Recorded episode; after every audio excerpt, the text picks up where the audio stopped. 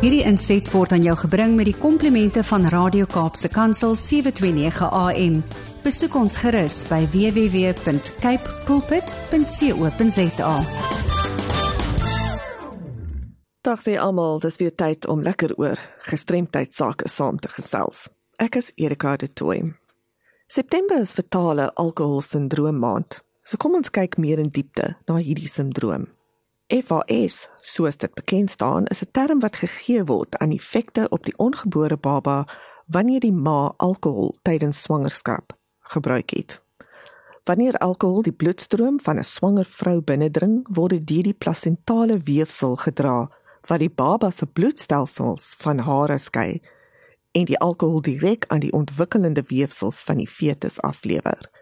Dit beteken dat wanneer 'n swanger vrou alkohol drink, drink haar ongebore baba ook.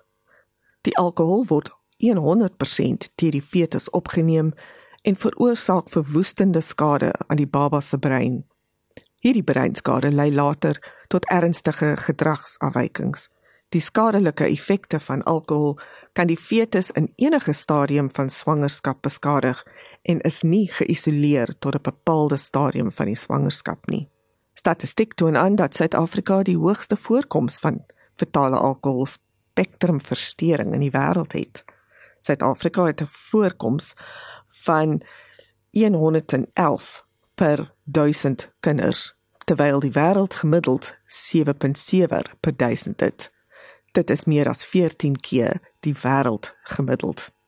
En hier praat ons van die Wes-Kaap eintlik en nie die hele Suid-Afrika nie. As ons kyk na die tekens en simptome van FAS, is daar heelwat wat groei vertraging en 'n kleiner as normale kopomtrek insluit, asook orgaanskade. In sommige individue kan daar ook gelaatstrekke wees, maar die meerderheid mense met FAS het geen of baie min fisiese tekens. Aangesien hierdie fisiese tekens deur opgeleide mediese spesialis gediagnoseer en evalueer moet word, is dit baie riskant om daarop alleen te fokus want dit lei dikwels tot verkeerde diagnoses. Dit is dus belangriker om eerder kennis te neem van die ontwikkelings- en gedragsprobleme wat voortspruit uit die breinskade wat sommige van die volgende kan insluit: vertraagde ontwikkeling, aandagprobleme, visie en gehoorkwessies, geheueuitdagings, probleme met koördinasie, hiperaktiwiteit, taal- en spraakvertragings, leerafwykings, problematiese redenasie en oordeelsvaardighede, probleme om oorsaak en gevolg van gedrag te verstaan, impulsbeheer uitdagings wat kan lei tot byvoorbeeld impulsiewe gedrag, interpersoonlike verhoudingsprobleme. Ons moet onthou dat FAS 'n sosiale verstoring is wat baie aan die uitgebreide probleme veroorsaak. Op beide finansiële en persoonlike vlak word ons almal geraak deur die sekondêre gestremthede as gevolg van FAS. Leergestremthede, vroeër skoolverlating, jeugmisdaad, armoede, kroniese werkloosheid, seksuele optredes soos promiskuïteit, tiener en ongewenste swangerskappe, prostitusie, seksuele aanranding, kindermolestering en verkrachting. Daar's ook haweloosheid as gevolg van vigs, geweld, misdade aan eiendom en die lys gaan aan. Dit is van die uiterste belang om te verstaan dat swanger vroue nie doelbewus drink om hul ongebore babas te benadeel nie. Swanger vroue wat alkohol inneem, rapporteer dikwels dat hulle dit doen in 'n poging om stres te hanteer of dat hulle groepsdruk van hul lewensvernoot, ja selfs vaders van die ongebore baba, van familielede en vriende ervaar om alkohol te drink. Sommige dui ook aan dat hulle verkeerde inligting van gesondheidspraktisyns ontvang het. Dit is dus die verantwoordelikheid van belanghebbendes, familielewe en vriende om die boodskap van geen alkohol tydens swangerskap te deel en om swanger vroue binne hul gemeenskappe te ondersteun om nie alkohol te gebruik nie. As ons kyk na die voorkoming, is dit maklik. Vroue moenie alkohol drink as hulle probeer om swanger te raak nie om die risiko van FAS te vermy. Daar is geen bekende veilige hoeveelheid alkohol wat tydens swangerskap gebruik kan word om die risiko's te vermy nie. Enige hoeveelheid alkohol kan 'n ontwikkelende fetus benadeel.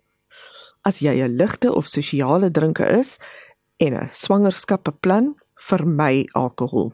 Die skade wat veroorsaak word deur alkoholgebruik tydens swangerskap is onomkeerbaar en permanent. In 'n ideale situasie is dit van waarde om so vroeg as moontlik 'n diagnose te kry. Dit sal die ouers of versorgers in staat stel om inligting en leiding by spesialiste in die veld te soek om hulle te ondersteun en te lei oor die identifisering van die uitdagings van die betrokke individu met FAS of dit nou 'n kind is of 'n volwassene en ook om hulle te lei oor hoe om die uitdagings te bestuur. Met die regte leiding, ondersteuning en sekuriteit kan individue met FAS gehelp word om hul volle potensiaal te bereik gegee wel beperkings. Vroeë diagnose en nuwe tegnieke van terapie, mediese behandeling, onderwys en residensiële fasiliteit kan mense met FAS in staat stel om produktiewe lewens te lei en ons land miljoene rande spaar wat eerder na ander sosiale doeleindes herlei kan word. As jy vermoed dat jou kind fatale alkoholspektrumversteuring het, neem hom of haar so gou moontlik na 'n dokter of kliniek. Indien die gesondheidspraktisyn jou nie kan bystaan nie, vra om verwys te word na 'n pediater of na 'n mensgenetiese kliniek by 'n distrik of provinsiale hospitaal.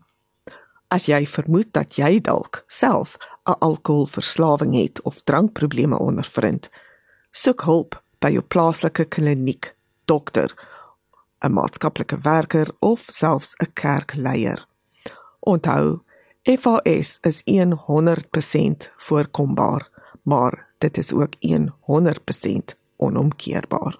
Weereens stuur gerus enige navrae aan my by awareness@wcapd.org.za of skakel my kantoor by 021 355 2881. Hierdie inset was aan jou gebring met die komplimente van Radio Kaapse Kansel 729 AM. Besoek ons gerus by www.cape pulpit.co.za.